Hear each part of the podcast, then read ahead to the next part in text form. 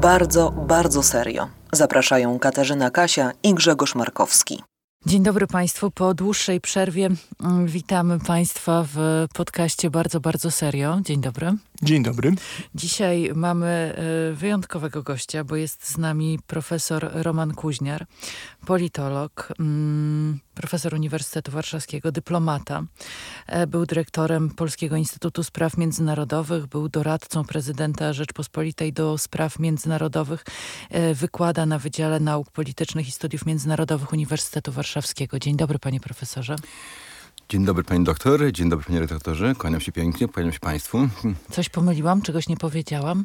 Nie, wszystko w porządku, ja bardziej bardzo korektnie, także nie mogę e, niczego reklamować. E, jest, oczywiście, osobiście jestem przywiązany oczywiście do, do tego, że kieruję e, Katedrą Studiów Strategicznych, ponieważ sam ją zakładałem kilkadziesiąt lat temu, pierwszą w mhm. Polsce, ale ale wszystko absolutnie na, na miejscu, tak. Mhm. Czyli twórca, założyciel i kierownik Katedry Studiów Strategicznych, to dodajemy. Teraz się zastanawiam, bo się zwykle powstrzymujemy od podważnych pytań na początku, bo na początku są niepoważne, ale kiedy pan zaakcentował ten wątek o, o studiach strategicznych, to od razu mi się pojawiło takie pytanie, czy w ogóle my jesteśmy w takim czasie, w którym coś takiego jak studia strategiczne, czyli myślenie o przyszłości, planowanie czegoś ważnego na przyszłość w ogóle jest możliwe? Konieczne konieczne, to znaczy wtedy, kiedy uruchamiałem studia strategiczne e, w, w, w, na uniwersytecie, na moim kierunku, wykład. Zaczynałem pierwszy wykład ze studiów strategicznych na uczelni cywilnej w Polsce. E, to było na Uniwersytecie Warszawskim właśnie. To nawet studentom mówiłem przez rok, drugi, trzeci, że to jest właściwie taka lekcja martwego języka. Troszkę zakuśniewiczem, prawda? Ponieważ wydawało mi się, że raczej będę ich um, uczył historii z tego obszaru właśnie, coś, co może im się pomoże rozumieć przeszłość, ale niekoniecznie będzie przydawać się dzisiaj czy w przyszłości. E, to było tak przez pierwsze 2-3 lata mówiłem w drugiej połowie lat 90. i zaraz prezent dla przedstawicieli studiów strategicznych mianowicie interwencja NATO w, w, w, Kosowie, w związku z Kosowem i zaraz Afganistan i zaraz Irak. Można powiedzieć raj dla przedstawicieli studiów czy analityków strategicznych, ale to były bardzo dramatyczne doświadczenia, muszę powiedzieć. I każde z nich, najgorsze oczywiście to w roku 2003 które było całkowicie, powiedziałbym, takie astrategiczne, znaczy strategiczne w wykonaniu, ale astrategiczne w sensie, powiedziałbym, sensu, związku między polityką a użyciem siły, celami politycznymi, bo, bo, to, mm, bo to, to, co różni studia strategiczne, czy też naukę strategii na uczelniach wojskowych, a, a, a, to samo, pozornie to samo na uczelniach cywilnych, to, że my kształcimy, czy uważamy, że powinniśmy kształcić analityków strategicznych, przedstawicieli tego nurtu w myśleniu, którzy potrafią nie jak w wojsku. Generał dostaje polecenie od polityka zdobyć, podbić, zatrzymać i musi wykonać, nie zastanawia się nad tym. Natomiast cywilny analityk strategiczny, jeżeli trzeba, jeżeli tak uważa, jeżeli to wynika z jego analizy, przeświadczenia, także z tym wartości, musi wziąć, szarpnąć za rękę politykę, powiedzieć nie, panie premierze, nie panie ministrze, e, w danym przypadku użycie siły nie tylko może być niemoralne, bo bardzo często tak jest, ale będzie przeciwskuteczne, będzie niefunkcjonalne, nie przyniesie e, tych rezultatów, które mm, pan minister, pan premier, ktokolwiek oczekuje. Panie e, profesorze, się... może pana zapytać w takim razie, czy w Rosji nie ma stra analityków strategicznych? Czy nie mają dostępu do ręki? To jest, to jest świetne pytanie. Moje, moje przekonanie, że, że tak wewnętrznie uważałem, że tak się, że, że, że, że Putin nie napadnie na Ukrainę, dlatego że on e, wcześniej, tocząc kolejne wojny, ja nawet kiedyś napisałem taki artykuł, że Putin polubił wojnę. E, świetnie sobie radził powiedziałbym, z klawezewicem w tym sensie, że dobrze ustawiał relacje pomiędzy użyciem siły, a celem politycznym, e, które chciał osiągnąć, czy celami politycznymi, które chciał osiągnąć przy użyciu siły militarnej, siły zbrojnej do tej pory wychodziło mu to zupełnie nieźle. E, czasem to było tak bardzo chirurgicznie, jak przykładowo w, w, jeżeli chodzi o, o, o, Krym, prawda? Właściwie bez jednego wystrzału. E, e, czasem znacznie gorzej, bo to jest człowiek o niewątpliwym temperamencie mentalnym czy charakterze, umysłowości E, e, takiego zwyczajnie rzeźnika, bandyty. Mówię to z, z, z, z, całą odpowiedzialnością. Ja go osobiście, e, tak dla mnie i dla mojego najbliższego kręgu nazywam rzeźnikiem, czy nazywałem rzeźnikiem od 99 roku. Mhm. Druga wojna czeczeńska, kiedy on utopił we krwi właściwie opór Czeczenów. Kilkadziesiąt tysięcy ludzi zginęło w bardzo małym krajku przecież.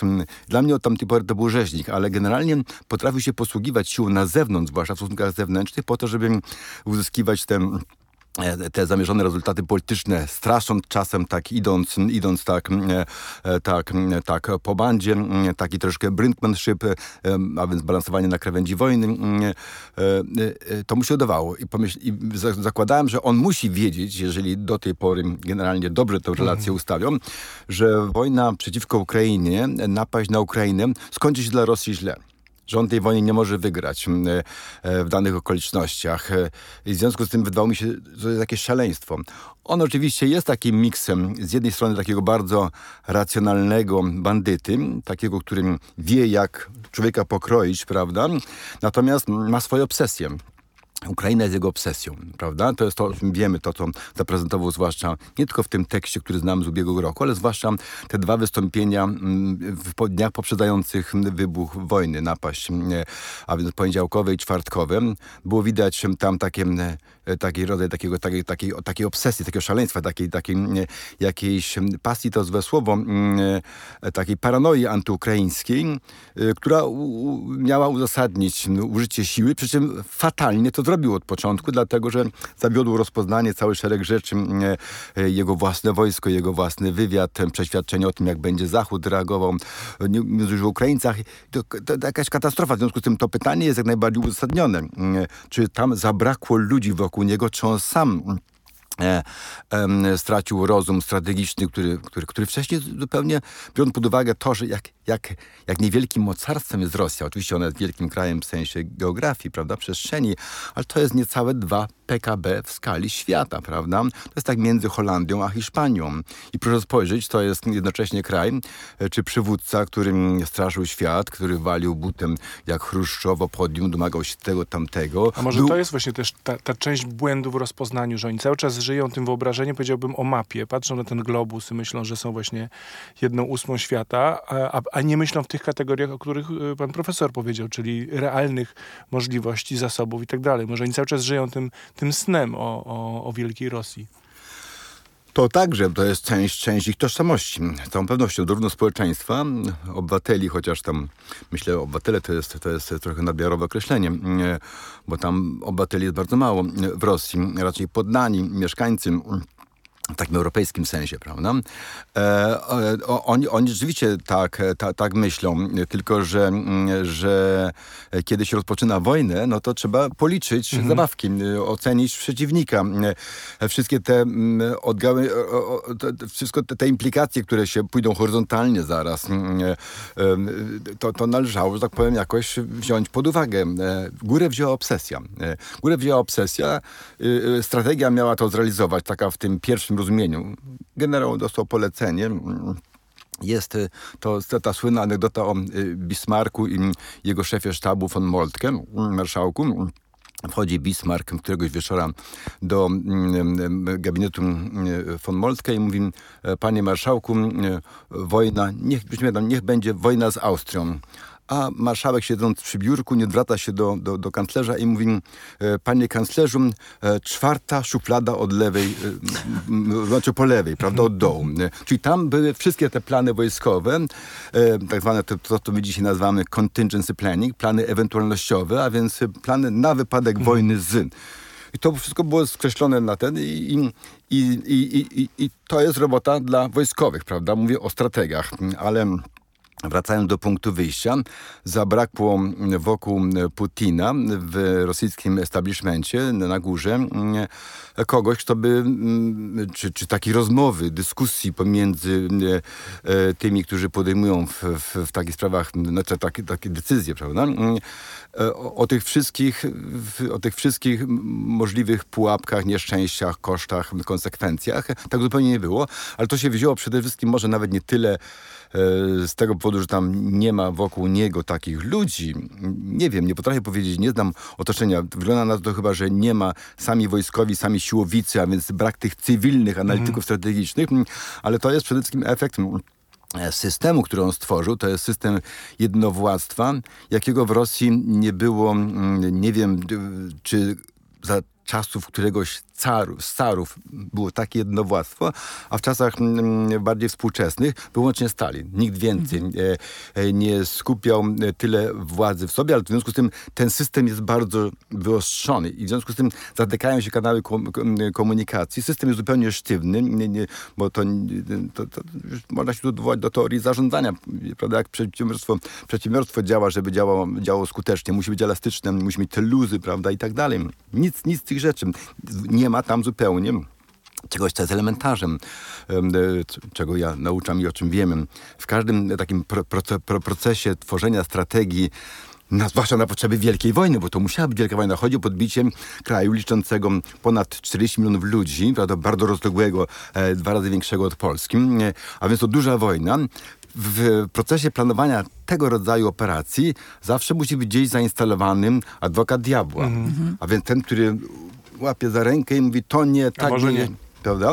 E, On niekoniecznie musi przeszkodzić, zatrzymać, prawda? Ale wskazuje na te miękkie miejsca, prawda? Gdzie można wpaść, gdzie, e, na, na, na, na to, gdzie planiści wojskowi, czy planiści gospodarczy, polityczni, ci, którzy tworzą wielką strategię, czy strategię taką jak, jak tam, no, że, że tu, tutaj, tutaj, tutaj jest nie tak, prawda? Taka komórka e, adwokata diabła jest e, niezbędnym takim składnikiem e, w tej, powiedzmy sobie, tej warstwy instytucjonalnej tworzenia wielkiej strategii. prawda? I koncepcyjnej i instytucjonalnej, bo na końcu jest wykonawcza, najpierw jest rozpoznanie.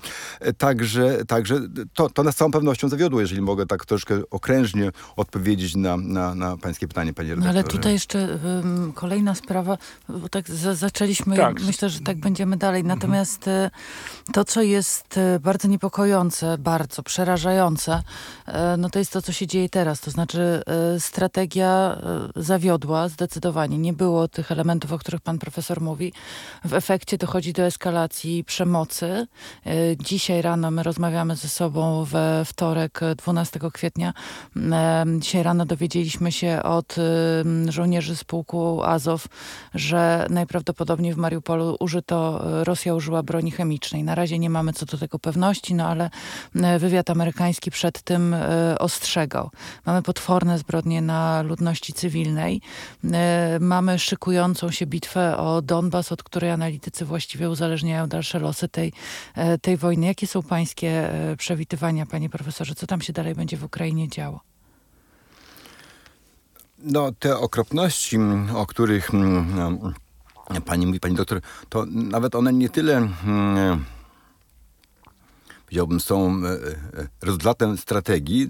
Może braku strategii. Znaczy, to jest jeszcze coś innego, co jest częścią e, rosyjskiej, nazwijmy to, kultury strategicznej, bo jak, wiadomo, jest taki termin, takie pojęcie, którym posługujemy się w obrębie studiów strategicznych, kultury strategiczna, kultura strategiczna, wyodrębnia się je w odniesieniu do zwłaszcza wielkich mocarstw z długą tradycją i tak dalej i jest coś takiego jak rosyjska kultura strategiczna, to zresztą po raz pierwszy zostało odkryte, można powiedzieć, zidentyfikowane przez Jacka Snydera, takiego wybitnego teoretyka stosunków międzynarodowych. Jeszcze z moich czasów, kiedy studiowałem, studiowałem znanego, któremu em, em, RAND, ta słynna korporacja amerykańska badawcza, zleciła, tak, on się podjął takiego studium, pracowania studium, czy rosyjska kultura, także kultura polityczna, ale ta kultura sensu largo, w jakiś sposób warunkuje Rosji, sowieckie, sowieckie, bo to było studium robione w końcu lat 70., sowieckie myślenie e, o, o broni nuklearnej, o mhm. wojnie nuklearnej, mhm. o pożytkach, jakie można mieć z broni nuklearnej, użyciu, nieużyciu, szachowaniu, straszeniu, odstraszaniu i tak dalej. I od tamtej pory e, to pojęcie się przyjęło, zaczęto badać, że tak powiem, różne kultury strategiczne, ale oczywiście ona nie tylko tyczy tego najwyższego poziomu, broń nuklearna, ale to jest także sposób, w jaki toczy się działania wojenne. E, e, nie tylko decyzja o, prawda, to jest bardzo ważne, ale także sposób, w jaki toczy się działanie wojenne. I jak wiadomo, Rosjanie mm, od jakiegoś dłuższego już czasu E, toczą działania wojenne w sposób no, takim jednak, e, e, trzeba powiedzieć to wprost, niecywilizowany. To znaczy tam nie ma niczego, co by ich ograniczało, jeżeli chodzi o prawo wojenne, prawo konfliktów zbrojnych, prawo humanitarne. Tego zupełnie nie mamy. Ale ten brak cywilizacji dotyczy również samej armii, która też jest traktowana w sposób niecywilizowany, A, Absolutnie tak, absolutnie tak, od, od góry do dołu. Hmm. W związku z tym żołnierze, w przeciwieństwie do tego, jak się uczy na uczelniach wojskowych na Zachodzie, także u nas, od pierwszego roku e, uczą się prawa. Prawa konfliktów zbrojnych, prawa humanitarnego, czego wolno, mhm. czego nie wolno. Owszem, zdarzają się naruszenia, ale żołnierz wie, że mhm. narusza, że może być pociągnięty do odpowiedzialności e, i tak dalej, i tak dalej. Natomiast jeżeli chodzi o rosyjską kulturę polityczną, ale także tą właśnie kulturę strategiczną, bezprawie nie ma prawa. Żołnierze wchodzą i właściwie wszystko mogą. To jest żołdactwo, prawda? Dotyczy to tego, co się działo w Buczy i w wielu innych miejscach. Co się tyczy tej informacji, o której mówiła pani doktor, to znaczy tym potencjalnym, ewentualnym użyciu przez Rosjan broni chemicznej w Mariupolu, no trudno się do tego odnieść, nie mam pewności. Przy czym y, zdarzają się i takie sytuacje, tak było w Syrii na przykład, że mm, użycie broni chemicznej było nieautoryzowane na najwyższym mm. szczeblu, tylko gdzieś na... Komuś ten... się zdecydowało. Tak, dlatego, że on sobie nie mógł poradzić. Mhm. On sobie nie mógł poradzić i, i, i, i postanowił, że tak powiem, sięgnąć do mhm. czegoś, co jest zakazane. A góra oczekiwała wykonania zadań. Tak, góra oczekiwała wykonania. I on, że tak powiem, sięgnął do tego, co miał, o czym wiedział, że no, to jest oczywiście problem i tego rodzaju, że, że Syria nie była stroną mhm. konwencji o zakazie użycia broni chemicznej. Można powiedzieć, że z jej punktu widzenia zrobiła to legalnie, prawda? Mm, e, w sposób barbarzyński. Natomiast Rosja, Rosja jest stroną. Jest, Rosja jest stroną. E, I teraz, e, czy to było polecenie z góry, czy, bo oni pytają w takich sytuacjach, prawda, jest, nie ma innego sposobu, żeby ich wykurzyć z tego miejsca, żeby sobie, tak. czy możemy użyć, albo jest, albo nie ma. Albo po prostu na niższym poziomie jakiś generał czy pułkownik podejmuje, później się tłumaczy, albo i nie. Rosjanie mają daleko, i to jest też charakterystyczna cecha ich kultury strategicznej, daleko posunięte poczucie bezkarności. Panie profesorze, ale z tego, co pan mówi, to, to, rozumiem, że na pytanie e, Katarzyny o to, co tam się stało i co się wydarzy, no to, to z tego, co pan mówi, to wynika, że mm, to, co zobaczyliśmy w Buczy i w innych miejscach, jest, y, było nieuniknione. Musiało się stać. Nie jest żadną przypadkową eskalacją, tylko to jest w ramach logiki, którą oni się e, e, posługują. Tymczasem świat po raz kolejny to przeżył jako rodzaj zaskoczenia. No ale w świetle tego, co pan przed chwilą opisał, jak on, jaka jest logika działania, to to musiało się stać i nie jest żadną niespodzianką. Nie może być żadną niespodzianką.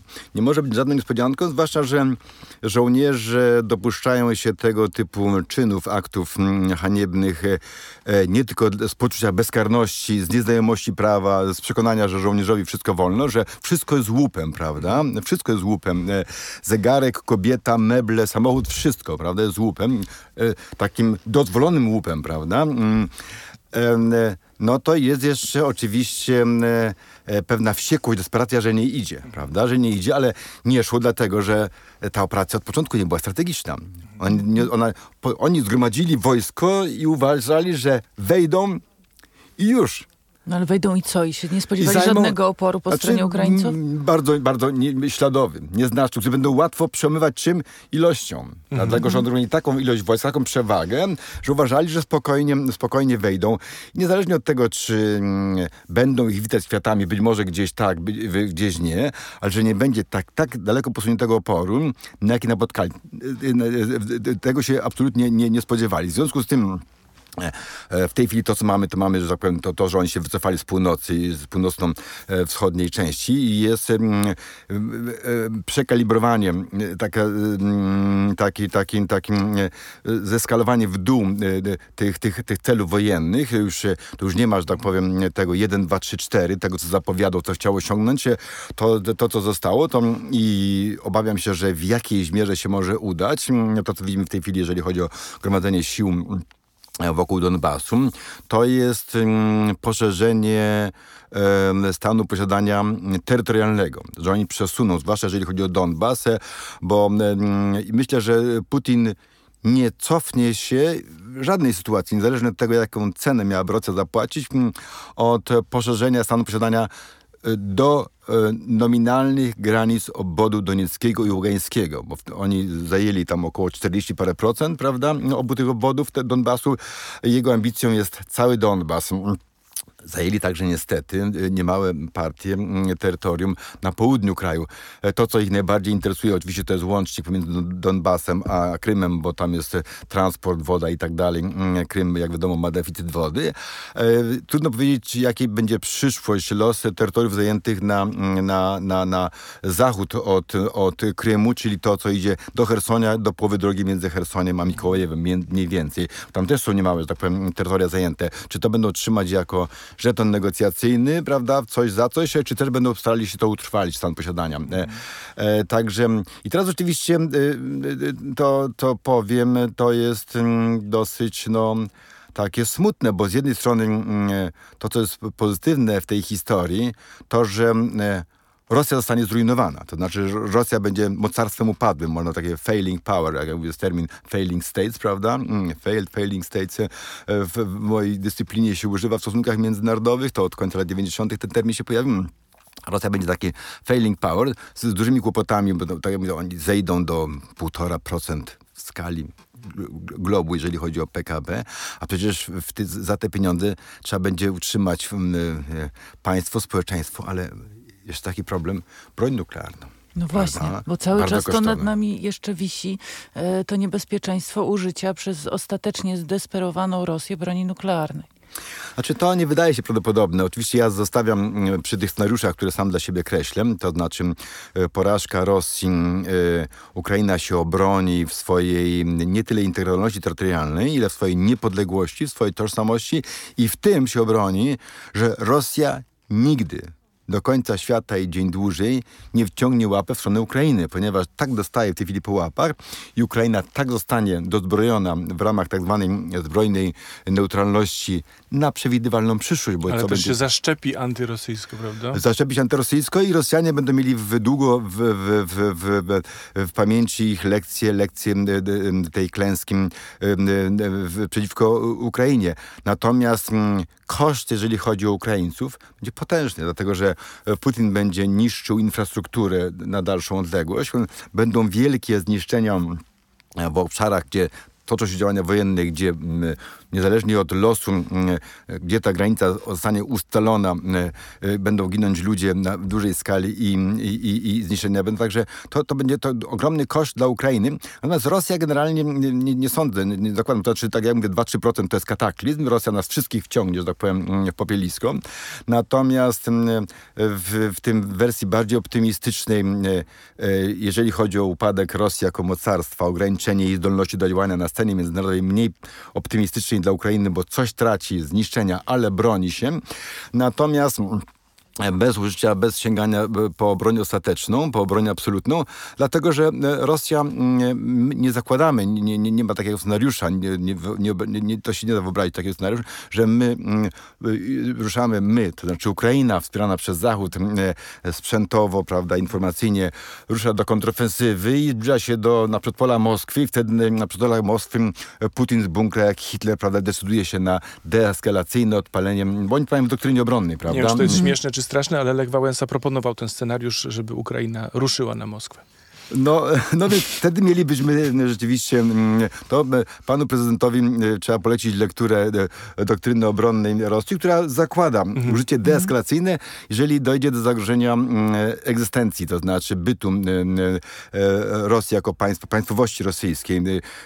Ale na początek to jest deeskalacyjne, czyli zatrzymanie przeciwnika, odpalamy ładunek nuklearny na stosunkowo niedużej wysokości, po to, że ostrzeżenie. Dopiero wtedy, jeżeli nie, no to wtedy mhm. uderzamy w siły, czy gdzieś tam terytorium.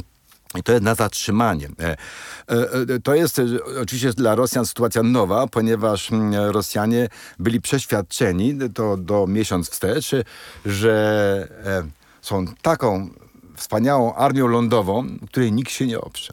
Prawda? A tu biorą po twarzy, prawda? Dostają, przepraszam za wrażenie, w dziób raz po razie od Ukraińców. Mm, I to jest dla nich szok. Stąd mamy, proszę spojrzeć, mm, przerwę w negocjacjach. Dokładnie, Dlaczego? tak, przestaliśmy Już dłuższy czas, mhm. już nic się... Mhm. Dlaczego? Dlatego, że um, um, Ukraińcy wspaniale się bronią, zadając ciężkie straty Rosjanom, wytrącili im z ręki atut przewagi negocjacyjnej.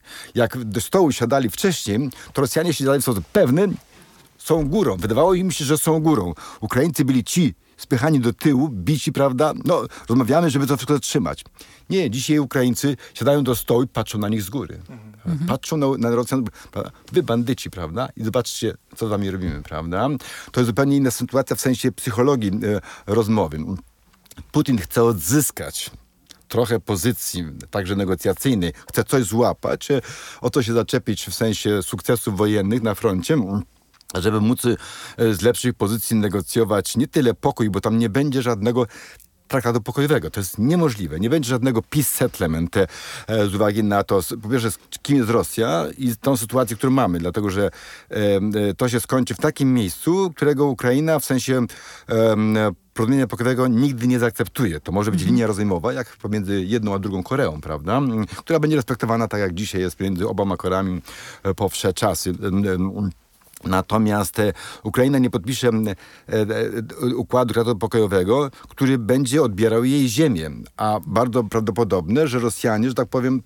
I wtedy bardzo proszę, co robimy, prawda? Jaką cenę Ukraina jest gotowa płacić za to, żeby ewentualnie wypchnąć Rosjan w sytuacji, kiedy nie ma żadnych perspektyw, żeby ich wypchnąć, prawda? Z tego kawałka, który Rosjanie, tak powiem, położyli łapem. Mm, to gdzieś w jakiejś bardzo odległej przyszłości e, można sobie wyobrazić powrót do tego, ale na pewno to nie, nie przed upływem 50 czy 100 lat, biorąc pod uwagę ten cały, że powiem, to, mhm. to nagromadzenie tej, tej, tej, tej prehistorii, archeologii e, w tych stosunkach. E, ale to, to nie są rzeczy, które, które, które ja byłbym w stanie, ja w ogóle nie, jestem, byłem zawsze sceptyczny wobec prognozowania, prognostyki w stosunkach międzynarodowych. Dwa, trzy lata to jest ten horyzont, który ja mhm. mogę No dobrze, to ja w takim razie zaproponuję nie tak taką straszną prehistorię, tylko cofnięcie się do tego 24 dnia lutego.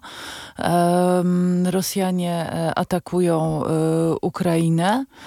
Mm, my w Polsce przeżywamy potworny strach strach przed tym e, projektem putinowskim, o którym się szeroko mówi, e, odbudowy Związku Radzieckiego, odbudowy e, rosyjskiej strefy wpływów, w której Polska oczywiście miałaby się znaleźć.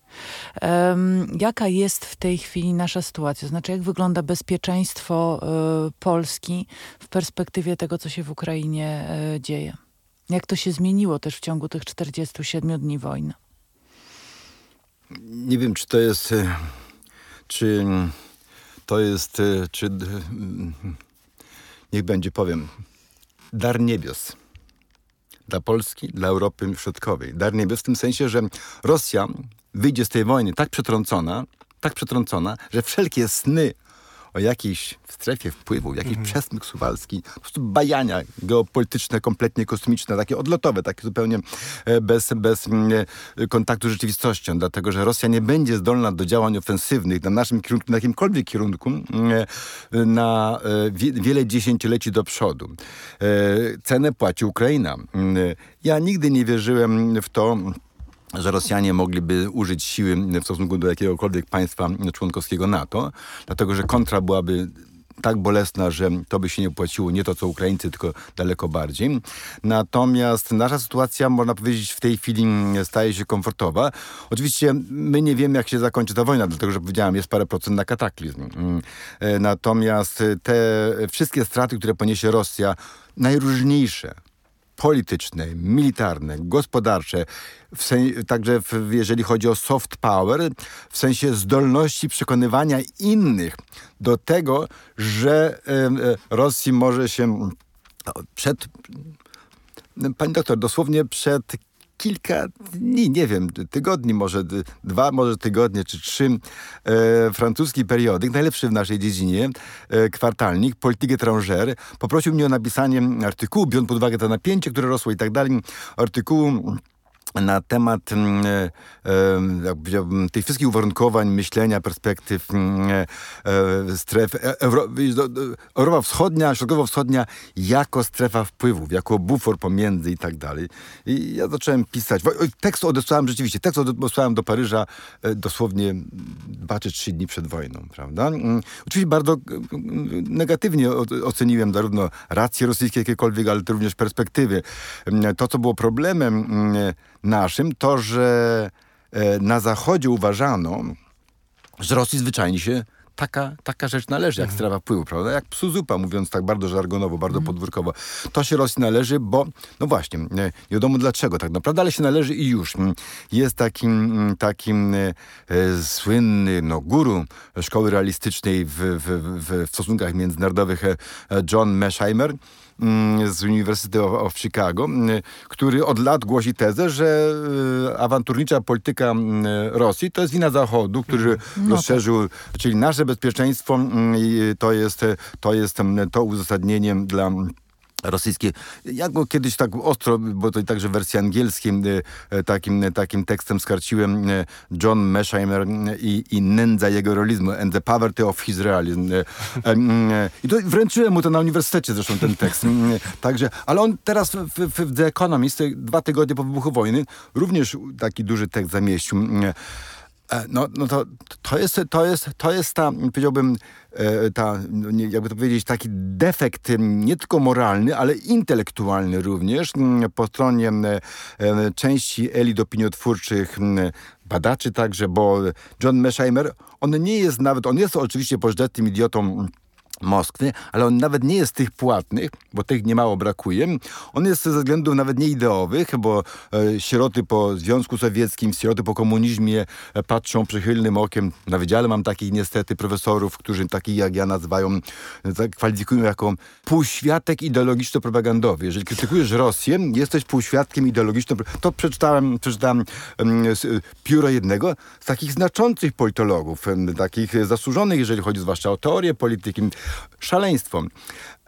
No więc, no więc e, to jest nie tylko defekt defekt moralny, ale to jest defekt intelektualny, bo on uznaje ten John Mearsheimer taką teoryjkę dentą, realizm defensywny, bo są różne odmiany realizmu w teorii. Realizm defensywny to jest taki, że, że, że znaczy, realizm ofensywny, więc taki, to, że, że, że państwo mocarstwo z wyprzedzeniem się rzuca, nawet jeżeli nie ma zagrożenia, ale może sobie wyobrazić, że jest zagrożeniem. Gdyby on przeczytał, gdyby sobie zadał trud, to biedactwo John Mearsheimer, prawda? Mm, przeczytać wystąpienie Putina z poniedziałku i z czwartku, prawda? Nic z tego.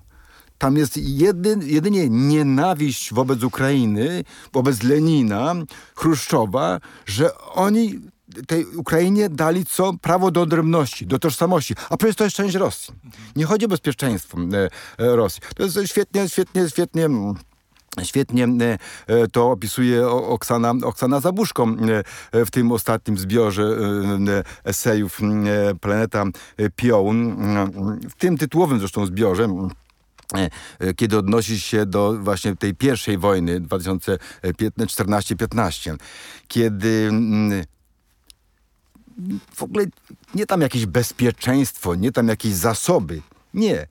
Idea ruskiego miru, prawda? To jest część Rosji. To, co się stało, że Ukraina nie jest częścią Rosji, to jest jakaś patologia. I tę patologię po prostu trzeba skorygować. Wszystko, prawda? Y, nie chodzi o problem bezpieczeństwa, dlatego że kto miałby zagrozić nuklearnemu mocarstwu? W jaki sposób? Polska, Ukraina, ktokolwiek, Ameryka nie zagrozi w sensie awantury wojennej, prawda? No więc to wszystko jest lipa. Mm, niektórzy, tak jak powiedziałem, to są, to są to się sieroty po tym, po, po komunizmie. Szkoda, że, że tak, takie skamieliny, ale, ale oni są czynni, prawda, na uniwersytecie. Panie profesorze, Kasia powiedziała pojawił się to, ten, ten wymiar nagle w tym takim globalnym spojrzeniu lądujemy w tej naszej Polsce, która tradycyjnie jest pomiędzy i Kasia spytała tą kwestię naszego bezpieczeństwa. Jakbyśmy wrócili jeszcze raz do, do tego, jak, e, e, jak pana przedstawiliśmy, no to Chyba nikt nie ma wątpliwości, że rzeczywiście ten wątek y, myślenia o polskiej racji stanu i o jakiejś polskiej polityce zagranicznej jest panu bardzo bliski i tym się pan zawodowo przez lata zajmował. No dobrze, i teraz patrzymy na ten moment, w którym jesteśmy dzisiaj i pojawia się takie pytanie, czy pana zdaniem my w tej bardzo skomplikowanej sytuacji mamy w ogóle jakąś politykę zagraniczną, czy też mamy politykę zagraniczną partii?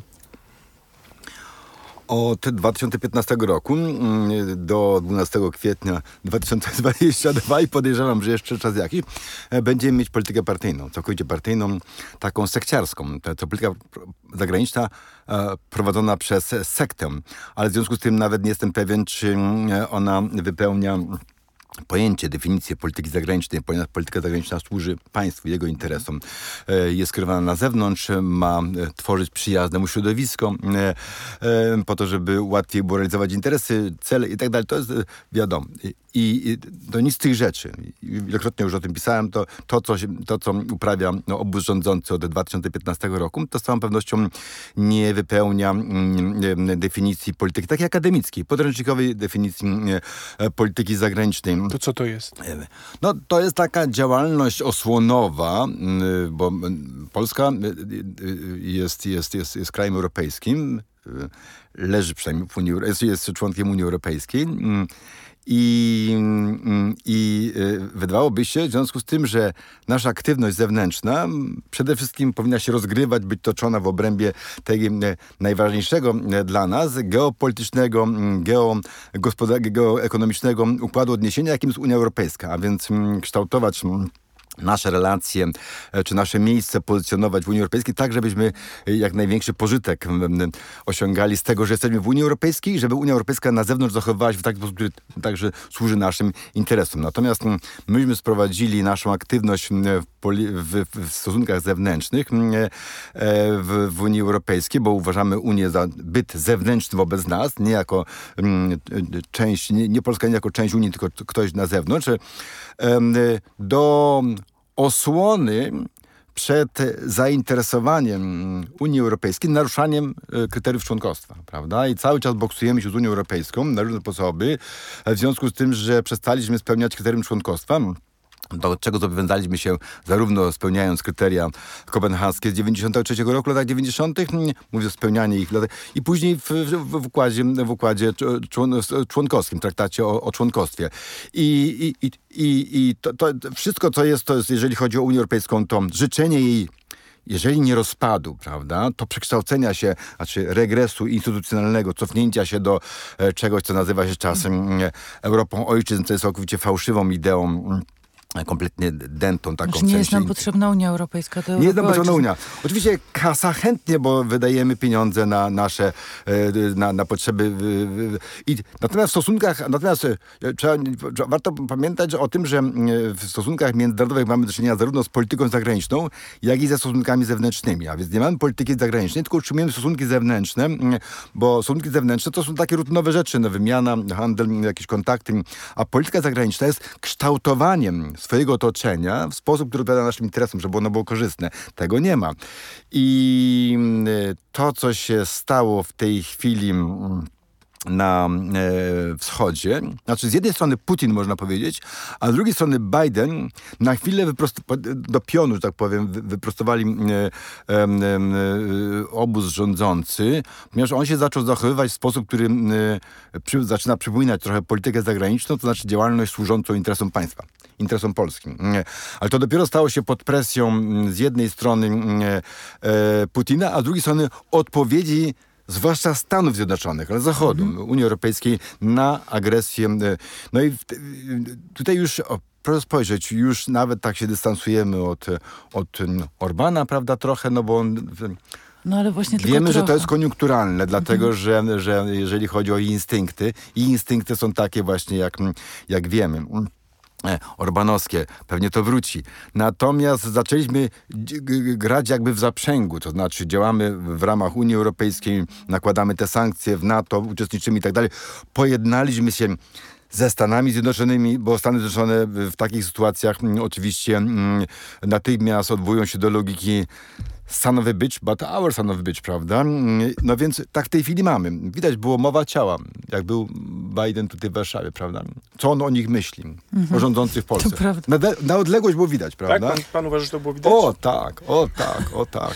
To, że on sobie nie pozwolił na przykład e, na Zamku Królewskim, żeby ktoś go z naszych wprowadzał, przecież to jest niespotykane. Zawsze go ktoś wprowadza, prawda? Dziękuję mu później.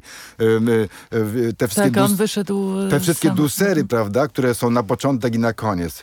Nie, dlatego, że on ich nie uważa za mm, należących, powiedziałbym, do tego samego obszaru aksjologicznego. Natomiast jest wspólne wyzwanie egzystencjalne, któremu musimy stawić czoła. W czasie II wojny światowej Zachód współpracował przecież ze Stalinem, ze No Związkiem tak, tylko że, tylko że mamy z jednej strony to wszystko, o czym pan profesor mówi, a z drugiej strony chciałam przywołać dwie e, sytuacje znowu z ostatnich tygodni. Pierwsza to jest taka, że em, do Kijowa rusza delegacja trzech premierów, jeden wicepremier i ten wicepremier e, Polski do spraw bezpieczeństwa Jarosław Kaczyński w Kijowie mówi e, o rzeczy, której nigdy z nikim wcześniej nie uzgodnił, o interwencji NATO e, w Ukrainie e, militarno-humanitarnej. Właściwie nikt nie, nie wie do dzisiaj za bardzo o co mu chodziło. Zachód wobec tego struktury NATO, Amerykanie wszyscy się dystansują, mówią, nikt z nami o tym nie rozmawiał. Niemniej ta rzecz zostaje wypowiedziana, zostaje wypowiedziana w miejscu, na które patrzy cały świat. I to jest pierwsza sytuacja. Druga sytuacja to jest wczorajsza z 11 kwietnia konferencja prasowa. Antoni Macierewicz właśnie teraz, 12 lat po katastrofie smoleńskiej, wyciąga em, swój stary tak naprawdę raport, bo tam nic nowego nie ma, dowodzący, że w Smoleńsku doszło do zamachu. E, Czy te działania, czy tego typu em, sceny nie są działaniem ośmieszającym Polskę na arenie międzynarodowej? Czy to nie jest tak, że nikt nie będzie mógł Polski traktować poważnie? No bo u nas właśnie jakiś pan bez uzgodnienia z nikim wypowiada takie bardzo poważne e, koncepcje, za którymi nic nie idzie z jednej strony, a z drugiej strony inny pan opowiada farmazony i brednie o e, wybuchach e, i o o czymś, czego żadna komisja, żadne śledztwo nie, e, nie potwierdziło. To ja tylko dodam coś jeszcze do, do, do rozwinę pytanie Kasi. Czy to jest tylko głupstwo, czy to jest intencja? To znaczy, mm, y, y, jeżeli chodzi o tę pierwszą sytuację, scenę, to to jest niewątpliwie połączenie znanego analfabetyzmu Jarosława Kaczyńskiego, jeżeli chodzi o sprawy bezpieczeństwa i międzynarodowe, zagraniczne, bo to jest kompletnie, że tak powiem, rzeczy, na której, on- o której on nie ma pojęcia. Mm, e, mm, Formuła, jaką on się posłużył, świadczyła o tym, że, że, że on jest ani, ani, ani prawnik, ani politolog. No kompletnie, no przecież mógł kogoś zapytać, jakiegoś doradcę swojego, no kogokolwiek, kto raz powiedział, panie premierze, to nie tak. Ale To tak nie jak ma- mówiliśmy, że Władimir Putin nie ma doradców, to tutaj chyba jest podobnie. nie, nie, jemu się nie da. To są- są tacy ludzie, że nie da się doradzić. Kaczyńskiemu z całą pewnością. E, Ale z drugiej strony, jak tak się pomyślałem chwilę, no tak, no jak zwykle Kaczyński, po prostu duby smalone, czy też e, piekarski na mękach. Ale pomyślałem sobie, że to mógł być, jak, biorąc pod uwagę y, to, o czym wiemy mm, o Kaczyńskim, y, że to mógł być też i taki zabieg o to, że my Polacy chcielibyśmy, prawda, przyjść wam z pomocą y, y, i tutaj misja y, humanitarna, pokojowa, ale z osłoną militarną ona by pomogła, ale patrzcie, ten Zachód, ten Zachód kompletnie nic, bo on jest, ma, ma tę całą taką tą, tą narrację, jego śpiewka, retoryka jest taka, taka immanentnie antyzachodnia, e, bo to jest człowiek o takich samych, powiedziałbym, e, kulturze politycznej czy instynktach politycznych jak Europa Wschodnia. E, e, Z całą pewnością ten proces rusyfikacji polskiego systemu politycznego, on nie był przypadkowy. To, to było świadome w tym sensie, że oni tacy są, prawda?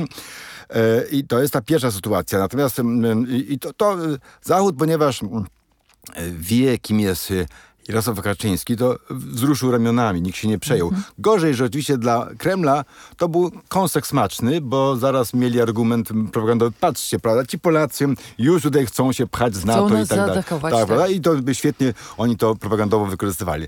Natomiast ta druga sytuacja, ona jest, myślę, ponieważ oni wiedzą na Zachodzie, że to, to, to no, nie, Macierewicz, no pacjent od Bonifratrów, prawda, który dostał przepustkę i szaleje. E, To i także udało się go usunąć, e, sojusznicy doprowadzili do usunięcia go ze stanowiska ministra obrony, ponieważ tak dewastował e, e, polskim system obronny, czy polskie zdolności do obrony, że e, przyszedł, przyjechał e, sekretarz generalny NATO i powiedział prezydentowi, panie prezydencie, jeszcze chwilę i nie będziemy mieli z kim w Polsce współpracować, prawda?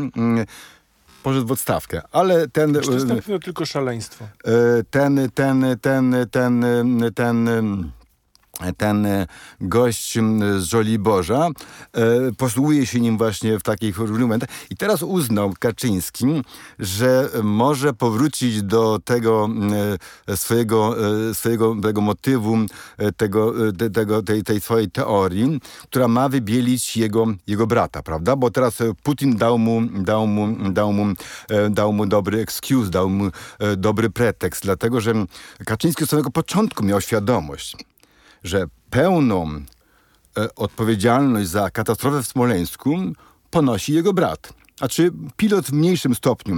Pilot, gdyby miał, gdyby był bardziej dojrzały, prawda? Tak jak ten, który leciał do Tbilisi, to by powiedział, tam są drzwi. Proszę mi tu nie wchodzić, panie generale. Proszę mi tu nie wchodzić, panie dyrektorze. Mam na myśli mojego kolegę, który tam zginął, dobrego kolegę Mariusza Kazanę, prawda? Tam są drzwi. Gdyby pilot był bardziej doświadczony, był troszkę starszy. Ja jak ja zobaczyłem na pasku, w jakim wieku była załoga, jak podawali, to po prostu oni miałem. Oni miałem. Taka młodzież, prawda? Nie puszcza się takiej młodzieży, ale to na boku. Natomiast jak czytamy scenogram rozmowy, to zgodnie z tym, co mm, Kaczyński zapowiadał, on przejął dowodzenie statkiem powietrznym wiozącym jedynkę, prawda? Krajową jedy- państwową jedynkę. Czego mu nie wolno było zrobić, prawda? Czyli on podejmował decyzję o tym, czy lądujemy, albo kiedy ewentualnie nie lądujemy. Decyzja była, że lądujemy, a czy nie lądujemy, no to zobaczy się później, prawda? Czyli od początku do końca, tak to wynika bardzo wyraźnie ze scenogramu i tego, co jest nałożone, jeżeli chodzi o komunikaty urządzeń, prawda, ostrzegających, pełna odpowiedzialność i jestem przekonany, że Jarosław Kaczyński ma świadomość, że odpowiedzialność za tę katastrofę i śmierć wszystkich e, na pokładzie samolotu e, ponosi jego brat, ówczesny prezydent Rzeczpospolitej. I teraz e, klasyczna zasada Kaczyńskiego to jest ta projekcja, prawda?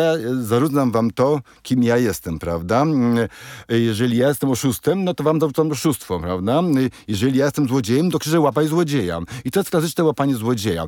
Tylko, że ja em, em, rozumiem, kiedy to się dzieje na podwórku prawda? albo w świecie przestępczym. Natomiast wtedy, kiedy to ma tak silnie destruktywny wpływ na spoistość społeczną, na sytuację polityczną, czy taką emocjonalną w państwie w obliczu konfliktu, który toczy się obok, to muszę powiedzieć, że to jest działalność zdradziecka, że to jest mm, działalność haniebna. To jest w ogóle w sensie moralnym plugawe od początku, prawda? Mm, ponieważ ja akurat nie zadałem sobie trudu, że nie trzeba zadawać trudu. To czyta się no, w dużym napięciu, nie powiem, że z wypiekami na twarzy, bo to się czyta się tak kryminały, prawda? Ale raport mm, Komisji Millera to jest lektura, żaden, powiedziałbym, thriller nie jest tak emocjonujący jak y, ten raport.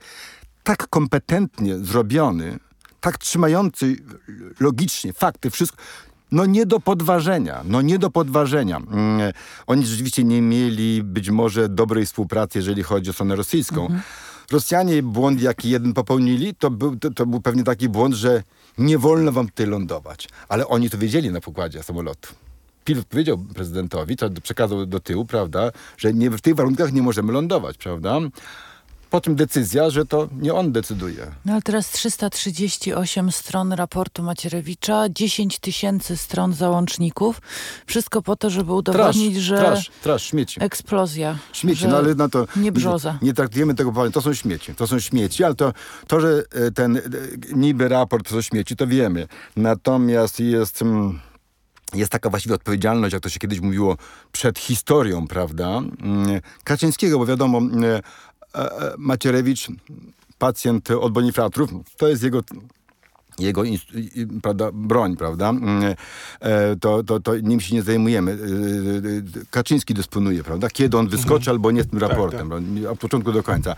No to odpowiedzialność, odpowiedzialność mm, przed historią, przed Polakami Kaczyńskiego jest potworna. Mm, że on tego nie rozumie, no to ja nie wiem, dlatego że teraz jeszcze jest jakaś sekta, która, tak powiem, to kupuje, prawda, ale będą kolejne pokolenia i nie będzie żadnych wątpliwości. Prawda? Dla kolejnych pokoleń, dla wszystkich na świecie zresztą nie ma żadnych wątpliwości, że to była katastrofa. Nikt inaczej nie uważa.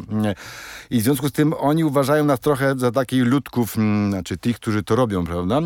Jakichś takich białych Indian, czy może, nie wiem, taki, no, mm, rodzaj takiego rezerwatu, takiego polityczno-intelektualnego, który sobie funduje tego typu szopki, tego typu przedstawienia, które są nie do pomyślenia normalnie w cywilizowanych krajach, prawda? To jest nie do pomyślenia, żeby iść tak zaparte e, z tą teorią katastrofy, kiedy doskonale wiadomo, doskonale wiadomo, na 100% wiadomo, że nic takiego nie miało miejsca, że jedyny powód, dla którego Kaczyński to robi, Jarosław, to próba wybielenia czy odsunięcia, tak powiem, e, odpowiedzialności za tę katastrofę ze swojego brata.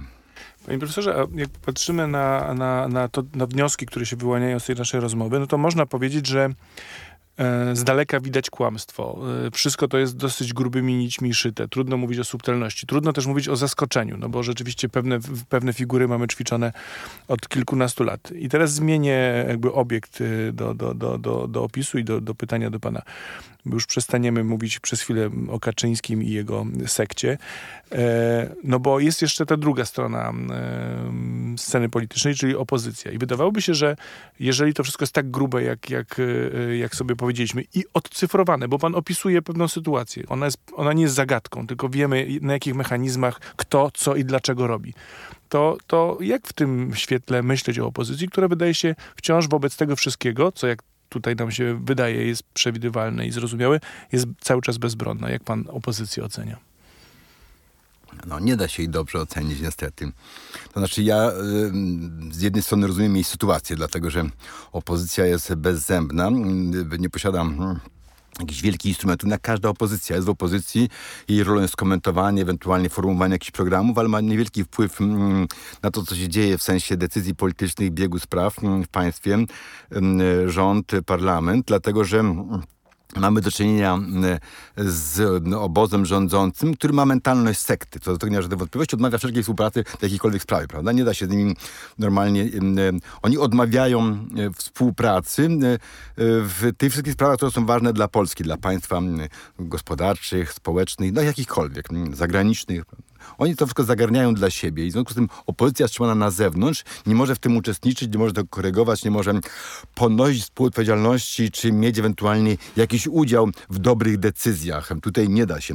Świadomie to jest Opozycja trzymana jest na zewnątrz i opozycja trzymana e, tak na zewnątrz, mm, odbijająca się od mm, obozu władzy, którym zaprzągł całe państwo, prawda? Bo to mamy taką sytuację mm, trochę jak w państwie komunistycznym PRL czy państwie autorytarnym, kiedy, kiedy partia to państwo, kiedy wy, wykorzystuje się całe instrumentarium od e, Banku Narodowego, prawda? Przez e, podatki, media, cały szereg innych rzeczy, e, żeby po pierwsze no, utrzymywać władzę, znaczy mieć tą e, pełnię władzy, jak najwięcej władzy, zmiana konstytucji, żeby poprawiać sobie komfort władzy i, i, i w związku z tym y, y, ma, jest obóz rządzący, który sprawia, że, że opozycja jest taka no, dosyć bezbronna, bezbradna, ponieważ brakuje jej tych instrumentów, coś zawęża się ten dostęp do mediów. No, całe szczęście jeszcze pozostały jakieś y, nieliczne, znaczy nie jest tak źle oczywiście jak na Węgrzech, ale... Natomiast opozycja przez lata trzymana tak na zewnątrz, w takiej steryl, takim niebycie właściwie, niezdolności do brania takiego efektywnego udziału w życiu politycznym, tylko mogąca się ograniczać do dokumentowania właściwie, do wyrażania jakichś emocji, ona, ona, ona, ona po prostu tak marnieje ona po prostu tak, tak jałowieje. Tam jest brak przekonania, że ona coś może, prawda? I teraz, jeżeli to już mamy w tej chwili ponad 6 lat tego typu sytuacji, jeżeli tam nie ma po drugiej stronie e, w tej pozycji jakichś ludzi na Problem oczywiście jest jeszcze, jeszcze tak, że jest pewna scena, mamy tych liderów, gdzie mamy te silne narcyzmy, prawda? Silne narcyzmy, takie nieprzyzwoite narcyzmy, gdzie są jakieś e, problemy historyczne, e, które się odzywają jeszcze. E, no, jest takie karlenie, jest takie karlenie opozycji. Ja nad tym ubolewam. Mm, y, szkoda, że, mm, że pan nie zadał, panie redaktorze, to pytanie, ponieważ e, e, e, trochę się ciężko znęcać nad kimś, kto jest w złej sytuacji, chociaż z drugiej strony, oczywiście, tak samo ja podejrzewam jak pan redaktor, jak pani doktor, mamy pretensje do opozycji, że nie jest dzielniejsza, prawda? Że e, e, nie jest bardziej rozumna, że e, za mało jej się chce chcieć, prawda? Że ten Tusk taki, jaki jest, lepszy, gorszy, ale właściwie sam, harcuje, prawda? Mhm. Jest harcownikiem, a nie dowódcą armii. Bardzo wyraźnie widać. No ale czy można coś zrobić, żeby zmienić tę sytuację? Pan profesor doradzał e, politykom e, i co by pan doradził tej naszej opozycji? E, załóżmy taki, nakreślę panu scenariusz. Mm, wojna w Ukrainie z jednej strony, z drugiej strony e, niepowodzenia w polityce wewnętrznej Prawa i Sprawiedliwości, e, szybka matematyka, nowy Polski Ład, który nie wypalił. Na jesieni w październiku mamy wybory hipotetycznie, e, co powinna zrobić opozycja, żeby mieć w tych wyborach jakąś szansę, żeby odegrać tam jakąś rolę? No na pewno nie może być tak podzielone, jak jest. Nie twierdzę, że to musi być jeden blok, natomiast w takim rozproszeniu to wiadomo, że, że przegrywa. Wtedy e, ten, kto wygrywa, wystarczy, jeżeli tam dojdzie, osiągnie pułap około 40%, to mu się przekłada na ponad 50 mandatach i do widzenia. Prawda? Natomiast e, no, powinna przede wszystkim skoncentrować się na jeżeli chodzi o elektorat, na mm, e, e, tych segmentach elektoratu, czy opinii publicznej, czy społeczeństwa, które mm, opozycji się należą, to znaczy spokojnie tam wygrywa. Ja chyba dwa lata temu napisałem taki tekst polemiczny wobec e, takiej tezy, iż e, wyborów, nie, że wybory wygrywa się w końskich. Słynne też Grzegorza, Grzegorza Schetyna. Tak, tak. Ja napisałem, że nie, to nieprawda. Nie, wyborów nie wygrywa się w końskich, tylko wybory przegrywa się tam, gdzie powinno się mm, wygrać. Mm, w tych miejscach, gdzie powinno się wygrać. Tak zrobił Komorowski, który przegrał wybory w tych miejscach, gdzie powinien był wygrać. Ale były popełnione błędy. Nie chcę do tego wracać, ale to bardzo łatwo, że tak powiem, identyfikować.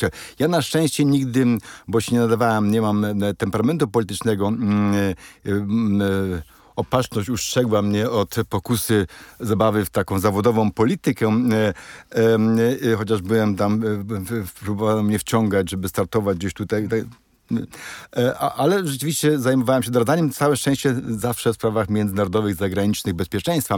Natomiast e, co ja e, pisałem w tym, w tym tekście wyborów, wyborów wyborów y, nie wygrywa się w końskich. Mm, no, y, napisałem y, po kolei, że, to, nie, to, to nieprawda, że wybory przegrywa się tam, gdzie się powinno wygrać, jeżeli się nie przyłożymy, lekceważymy także pewne oczekiwania własnego elektoratu. I to są trzy, trzy obszary, trzy miejsca, które są wasze opozycja, prawda? Mm, to są, to są ludzie młodzi, to są ludzie o pewnym poziomie wykształcenia i to są y, y, duże i średnie miasta. Proszę spojrzeć największym miastem, gdzie rządzi partia rządząca.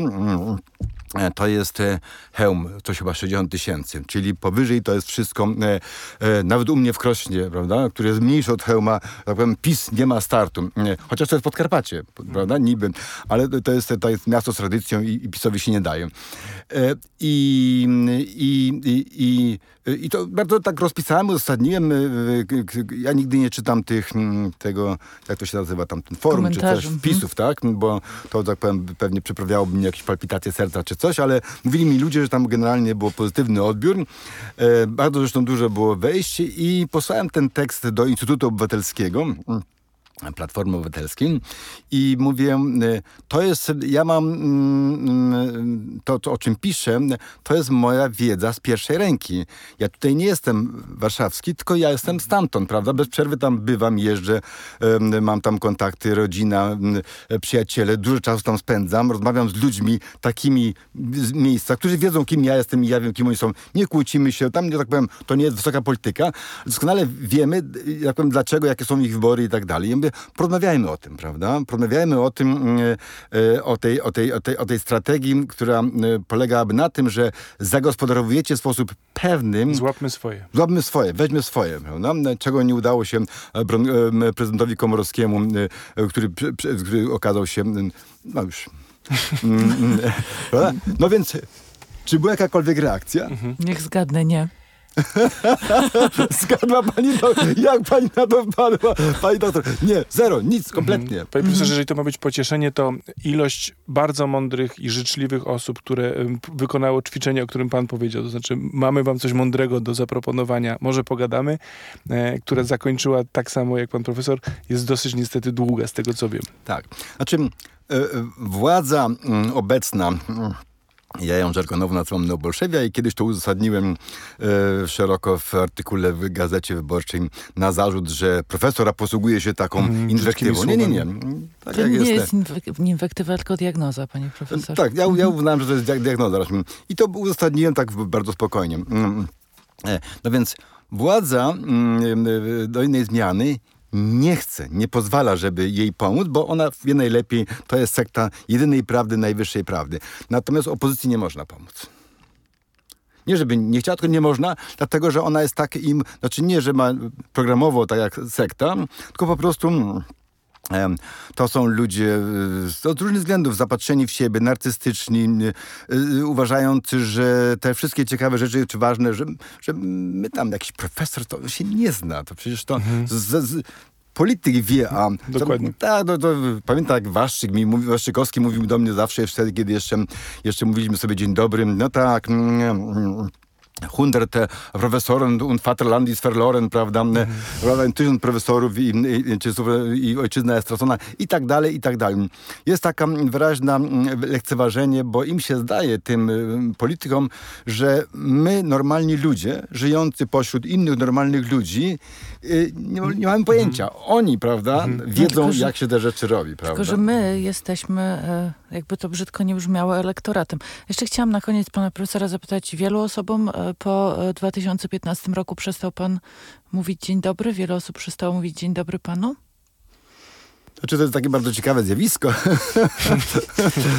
Pani e, doktor, dlatego, że mam już swoje lata, e, pracuję na uniwersytecie długo, pośród obecnych polityków jest wielu takich, którzy gdzieś tam stykali się ze mną jako wykładowcą, profesorem.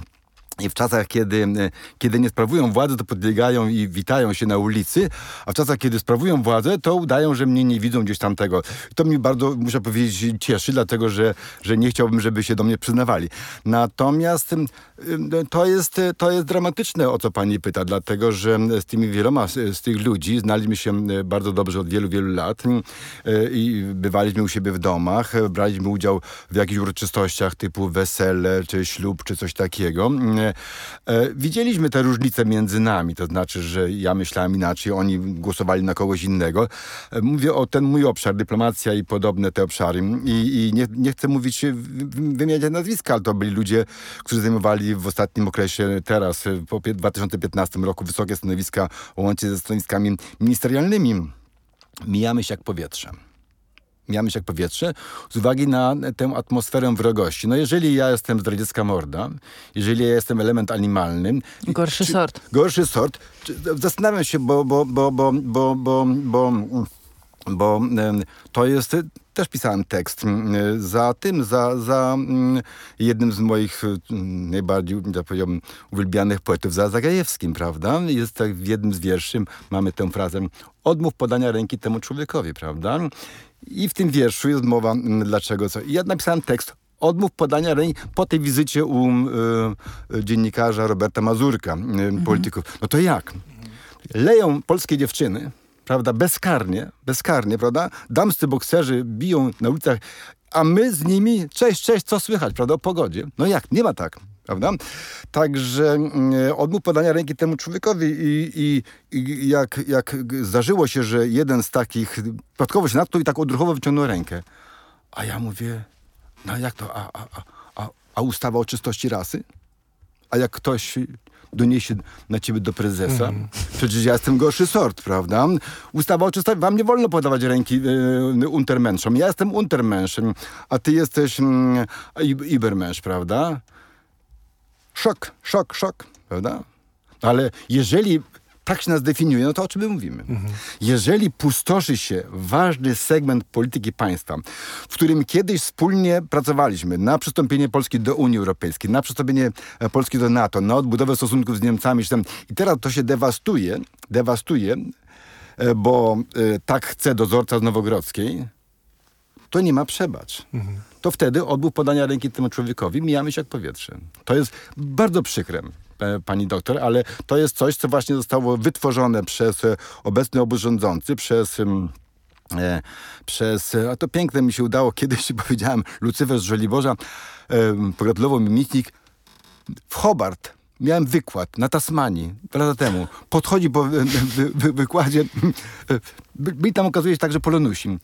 Szef Polonii y, na Tasmanii, nawet nie wiedziałem, Polonia na Tasmanii. Wszystko po angielsku przecież. On mówi, panie profesorze, bardzo dziękujemy za tego Lucyfera z Żoliborza. Tam dotarło. Jeżeli taką atmosferę nienawiści, prawda, pomiędzy ludźmi, czy nieufności, no to to się sypie, o tym wszyscy wiemy. Dlatego też e, niestety e, również dotyczy to e, moich byłych znajomości, moich byłych znajomych, pani doktor. Musimy kończyć. Niestety, a można byłoby rozmawiać jeszcze długo. Bardzo dziękujemy, panie profesorze. Dziękuję pięknie.